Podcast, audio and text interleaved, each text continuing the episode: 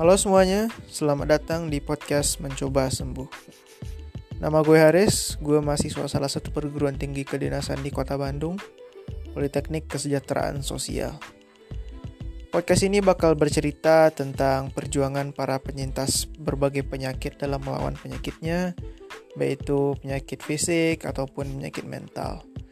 Dan podcast ini terinspirasi dari diri gue sendiri yang mana saat ini gue lagi melawan suatu penyakit yang insya Allah bakal selesai dalam waktu dekat.